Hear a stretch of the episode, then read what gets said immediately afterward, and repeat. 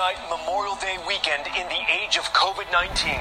As the nation pushes to reopen, at the same time, the death toll in the U.S. approaches 100,000 some restrictions now lifting in all 50 states. Already, images of crowded beaches, a patchwork of rules and regulations to maintain social distancing.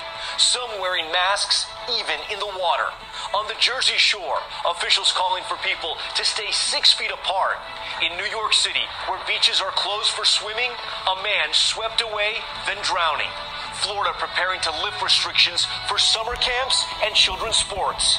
The Grand Canyon opening with limits. And Dr. Anthony Fauci urging Americans to go outside but do it wearing a mask.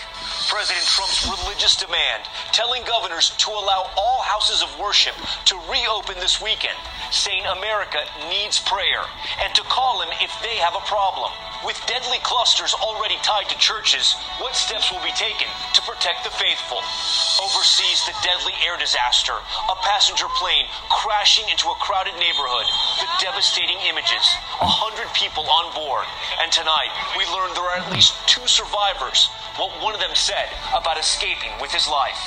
The backlash tonight, and now the apology from former Vice President Joe Biden after what the presumptive Democratic nominee said in a radio interview about black voters. Tonight, what Biden is now saying about that controversial comment. Facing the judge, Full House actress Lori Loughlin and her husband and their surprise guilty plea via Zoom to a federal judge in the nationwide college admissions cheating scandal. What they were accused of doing and how much prison time prosecutors are asking for. Plus, America Strong. Tonight, the mother and son reunion Her service during this pandemic separated them the moment this little boy sees his mom again. This is ABC World News Tonight